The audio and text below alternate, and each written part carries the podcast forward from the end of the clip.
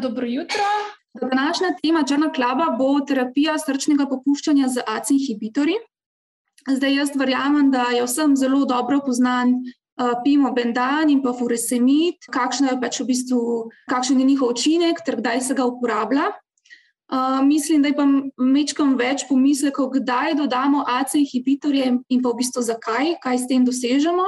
Torej, današnjo predavanje si bomo mečkam pogledali pa to fiziologijo samega sistema renin, angiotenzin, aldosteron, kako v bistvu ta deluje tekom srčnega, srčne bolezni in srčnega popuščanja, kakšne oblike zaviranja tega sistema uh, poznamo, ter kakšne so indikacije in pa kontraindikacije same terapije z AC inhibitorji. Uh, pa v bistvu za začetek bi sem na kratko predstavila tale članek, ki je bil povod za današnji Journal Club. In sicer je članek avtorja Gerarda Vesa, članek na kratko imenovan The Wolf Trial. Zdaj, Ves je tekom uh, obdobja desetih let primerjal preživetje psov z miksomatozno mitralno, uh, degeneracijo mitralne zaklopke. In sicer je imel dve skupini. Uh, v prvi skupini je bilo 77 psov, ki so prejemali tako imenovano dvojno terapijo, torej kombinacijo pimobenana in furesemida in pa 79 psov v drugi skupini, ki je prejemala uh, trojno terapijo, uh, torej poleg pimobendana in pa furesemida še dodatek AC inhibitorja. Kar je on s svojo študijo ugotovil, je, da je bila medijana preživetja pri teh na dvojni terapiji 227 dni in pa psov na trojni terapiji 186 dni. Torej, on je v bistvu v svojem članku zaključil, da AC inhibitori ne prispevajo k podaljšanju preživetja, in uporaba teh pri srčnem popuščanju uh, sploh ni upravičena. Zdaj, ta članek je dvignil kar nekaj prahu v svetu kardiologije, ker je nekako ta trojna terapija že nekaj časa velja kot zlati standard za uh, terapiranje srčnega popuščanja. Uh, tako da tudi ni bilo nič čudnega, da je ta članek požel kar nekaj kritik uh, in pa tudi nekaj replik na njegov članek.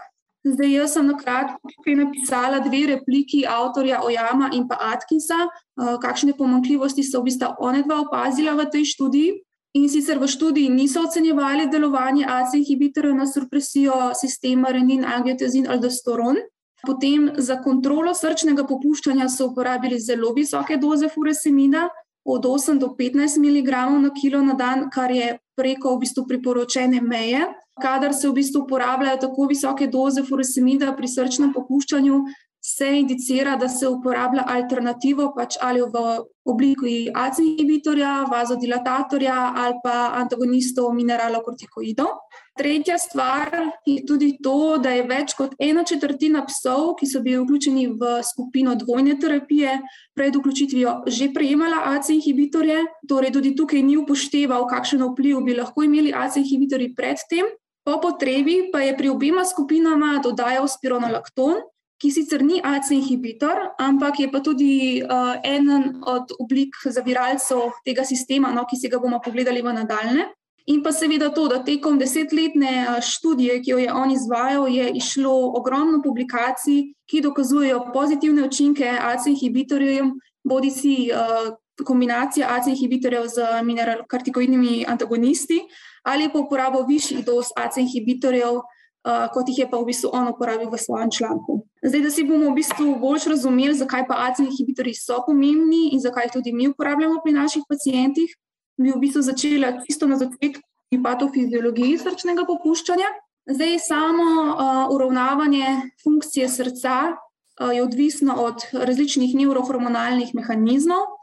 Trije glavni so v bistvu simpatični žilčni sistem, sistem renin, angiotenzin, aldosteron, ki si ga bomo danes malo bolj podrobno pogledali in pa medcelične sporočilne molekule, kot so citokini in pa rasni dejavniki.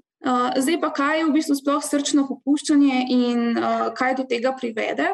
Zdaj, srčno popuščanje ne tretiramo kot bolezen, ampak v bistvu kot sindrom, ker se tukaj pač prepleta več mehanizmov. Ampak na kratko, v bistvu srčno popuščanje definiramo kot miokardno disfunkcijo in moteno diastolično re relaksacijo srca, prihaja do volumske obremenitve srca, zaradi česar v bistvu nastane mehanski stres na miokard in nastanejo mikropoškodbe. Na te mikropoškodbe se potem v bistvu najprej odzovejo neutrofilci, nastane v bistvu netni odziv, kar povzroči tudi produkcijo povečanih reaktivnih kisikovih zvrsti in oksidativni stres. Te tudi povečajo potem produkcijo vnetnih citokinov in paracnih faktorjev. Slednji so na to odgovorni, da prihaja do diferencijacije fibroblastov v miofibroblaste, te pa na to uh, začnejo z povečano sintezo zunaj celičnega matriksa, kar privede do intersticijske fibroze miokarda, za brazgotinjanje tkiva in pa v bistvu remodelacije miokarda in ekscentrične hipertrofije srca. Zdaj, sam sistem je v bistvu v fizioloških pogojih pomemben za vzdrževanje zunajcelične tekočine in pa elektrolitskega ravnovesja, tem vzdrževanje primernega krvnega tlaka. Zdaj, raz se aktivira, kadar baroreceptori zaznajo prenizek tlak, kadar je v bistvu zmanjšan pretok skozi ledvica ali pa v nizki koncentraciji soli. Zdaj pa čisto na kratko eno osnovno signalno pot sistema renin, angiotezin ali dostoron. Zdaj ta se začne v bistvu v validitah z sintezo prekurzorja prorenina v juxtaglomerularnih celicah ledvic. Iz tega na to nastane aktivni renin, ki se shranjuje v obliki sekretornih zrnc. Ko baroreceptori v dovodni arterioli zaznajo prenizek tlak, se renin v bistvu prične sproščati iz teh sekretornih zrnc v, sistem, v sistemsko cirkulacijo, ob tem pa v bistvu kon, konstantno iz jeter nastaja angiotenzinogen.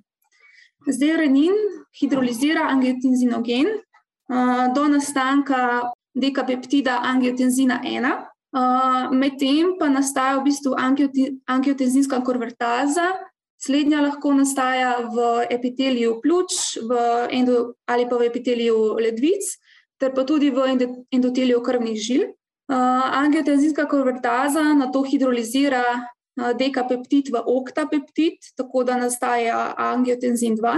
Slednji je v bistvu osrednji peptid te naš, tega našega sistema in je odgovoren za večino učinkov, ki jih poznamo. Torej, v bistvu povzroča vazokonstrikcijo, s tem, da poveča interakcijo med miozinskimi in aktinskimi filamenti, ter povzroča kontrakcijo gladkomišičnih celic ožilja. Prav tako pa stimulira produkcijo aldosterona v klobučasti plasti nadledvične žleze. Aldosteron je pa v bistvu glavni mineralokortikoid tega sistema, ki povzroči povečano resorpcijo vode in soli ter povečano sekrecijo kalija. Pa predno gremo naprej, v bistvu bi sem na kratko šla čez to ACIM razdelitev, v bistvu stopen srčne bolezni, tako da si mečkom bolj predstavljamo, kje se ta sistem aktivira in kje začnemo v bistvu uvajati terapijo. Prej, um, v kategoriji A so v bistvu živali, ki so pač predisponirane k srčni bolezni, ne, kjer pričakujemo, da bo ta nastala. B1 je v bistvu čisto uh, kompenzirana faza, kjer slišimo šum, ampak ultrazvočno še ne opazimo uh, kakšnih srčnih remodulacij, se pa že tudi tukaj v bistvu vklopi renin angiotenzin aldosteron sistem. Potem B2, sicer že vidimo povečane votline, a ne tukaj tudi indikacija za začetek terapije z pimobendanom, ampak kar se tiče samega tega sistema, je pa trenutno še kompenziran, tako da ne potrebujemo AC inhibitorjev. Ko stadij napreduje v C1, C2 in tako naprej, govorimo o dekompenzirani fazi srčnega popuščanja. Tukaj v bistvu kardiološko opazimo povečane hitrosti pretokov v, srčno, v srčnih votlinah, a ne povečane tlake, tudi kongestijo venskega ožilja na rentgenu ali pa bodi si tam zastoj tekočine v pljučih oziroma v abdomnu. Torej, tukaj v bistvu uh, je že indikacija, da pričnemo z dajanjem uh, samih AC inhibitorjev. V bistvu ta deluje pri srčni bolezni.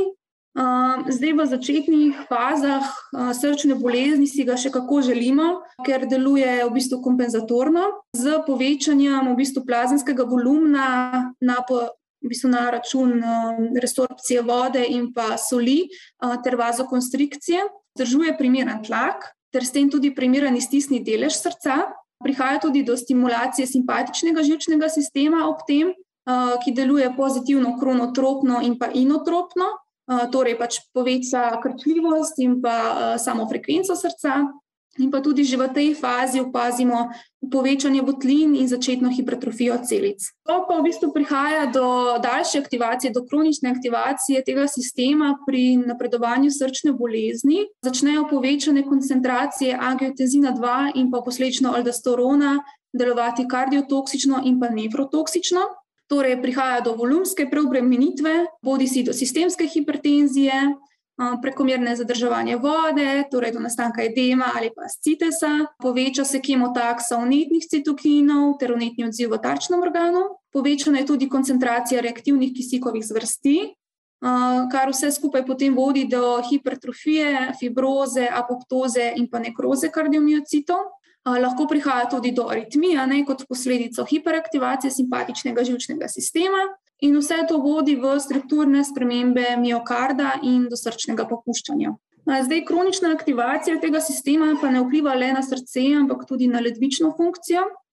Torej, prihaja v bistvu do poškodbe glomerulov, do glomerulne disfunkcije in večno proteinurije, poveča se intraglomeralni pritisk in prihaja do tubulo-intersticialnih poškodb nastane tudi disfunkcija baroreceptorjev in pa retencija uh, soli in pa vode ter izguba kalija. Zdaj, ACE inhibitorji se ob ledvični, v ledvičnem popuščanju uh, v bistvu lahko uporabljajo, a ne so indicirani, ker uh, preprečujejo nastanek azotemije in pa iz, uh, proteinurije. Kadar pa imamo v bistvu kombinacijo srčnega popuščanja z povišenimi ledvičnimi vrednostmi, predvsem kreatinina, pa so te kontraindicirani.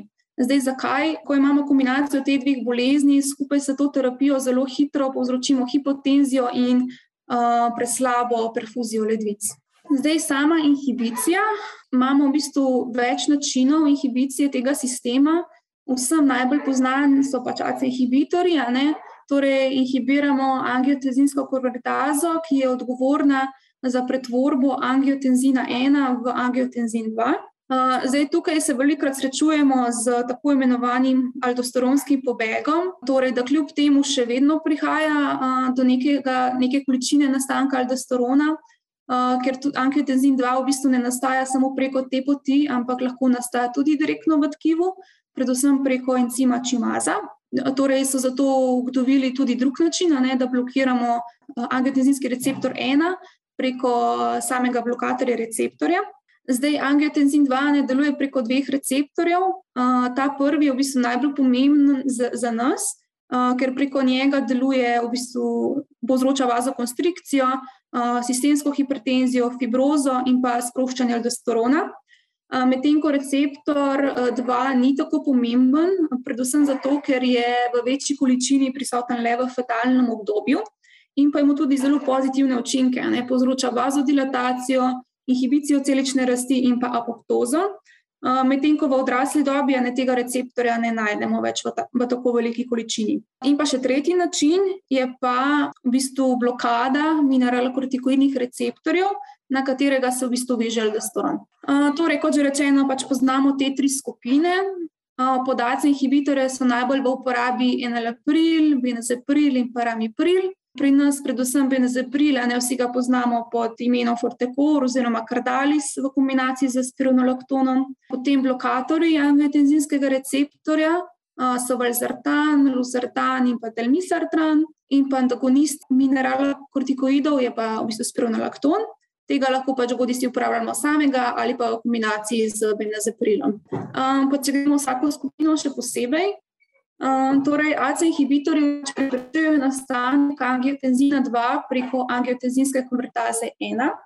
Uh, tukaj sre, se pač srečujemo z tem aldosteronskim pobegom, predvsem to pripisujejo temu, da angiotenzin nastaja tudi pač preko drugih poti in zaradi tega pač ne dosežemo po, popolnega zavora. Kar pa se v bistvu zgodi, je pa to, da inhibicija uh, angiotenzinske konvertaze zmanjša razpad bradikinina, Bradikinin ima kar nekaj pozitivnih učinkov, deluje kot vazodilatator, lahko pa je tudi ta vzrok za nastanek stranskih učinkov, kot je pač podkožni edem oziroma angioedem. Um, blokatorji uh, torej preprečijo delovanje angiotenzina 2 preko receptorja 1 in preprečijo delovanje, v bistvu ne glede na izvor nastanka angiotenzina 2. Sicer se tudi tukaj srečujemo z aldosteronskim pobegom, Kar pa v bistvu je pozitivno, je to, da omogočijo povečanje delovanja preko uh, drugega receptorja, torej lahko dosežemo vazodilatacijo in pa inhibicijo proliferacije celic. So pa sicer manj v uporabi kot AC inhibitorji v veterini uh, in sicer po člankih dosežemo zelo podoben učinek kot AC inhibitorji, je pa z njimi manjša verjetnost nastanka stranskih učinkov, kot je angioedem, kašelj in pa gastrointestinalne težave. Zdaj, interesno je recimo en tak primer uh, blokatorja, ki ga uporabljamo v veterini, sicer je pri nas še v fazi raziskovanja, uh, gre pa za humano zdravilo, naj bi po članki zmanjševal smrtnost in incidenco hospitalizacije, vsebuje pa v bistvu kombinacijo dveh učinkovin in sicer valzartan, torej pač blokator uh, receptorja in pa sokobitril, on je pa inhibitor neprilizina. In sicer to je encim, ki razgraja atrijski in pa možganski natriuretični peptid. Slednji je pa zelo pomemben za zniževanje krvnega tlaka, s tem, da v bistvu deluje na znižanje plazemskega volumna. Zdaj pri nas je bilo ene par puškov poskusno na tem zdravilu, predvsem tisti, ki so bili že v zelo napredovani fazi srčnega popuščanja in so se tudi zelo slabo odzivali na ostala kardiološka zdravila. Torej, pri nas imamo zelo dobre izkušnje s tem, no, smo kar parim kuškom s tem podaljšali za par mesecev še življenje. So se pa tudi pri njih uh, pokazali stranski učinki, nekako enako kot jih poročajo pri ljudeh. Torej, zelo hitro pri tem zdravilu nastane hipotenzija in pa pri višjih dozah tudi neutropenija. Uh, zadnja skupina so še antagonisti mineralokortikoidov, Kot rečeno, aldosteron je v bistvu glavni mineralokortikoid in je odgovoren za povečano resorpcijo vode in natrija ter povečano sekrecijo kalija. Torej, te, ta zdravila v bistvu preprečujejo vezavo aldosterona na receptor in s tem povečajo sekrecijo natrija in vode v distalnih in zbiralnih tubulih nefrona ter vzdržujejo nivo kalija. S tem v bistvu imajo tak blag diuretičen učinek in pomagajo pri tem, da ne prihaja do, do prevelike izgube kalija, kar je zelo pomembno pri naših kardioloških pacijentih, ki imajo zelo visoke doze furesemida. Se pa zelo redko v bistvu uporablja sam, večinoma ga uporabljamo v kombinaciji z spironolaktonom, predvsem v zdravilu kardalis. Zdaj, v bistvu, kdaj je terapija za zaviralci pri kardioloških pacijentih? Torej, pač indikacije so nesrčno popuščanje z povišanimi tlaki v srčnih kotlinah, kadar prihaja do venske kongestije, do uh, zastanka tekočin in pa sistemske hipertenzije.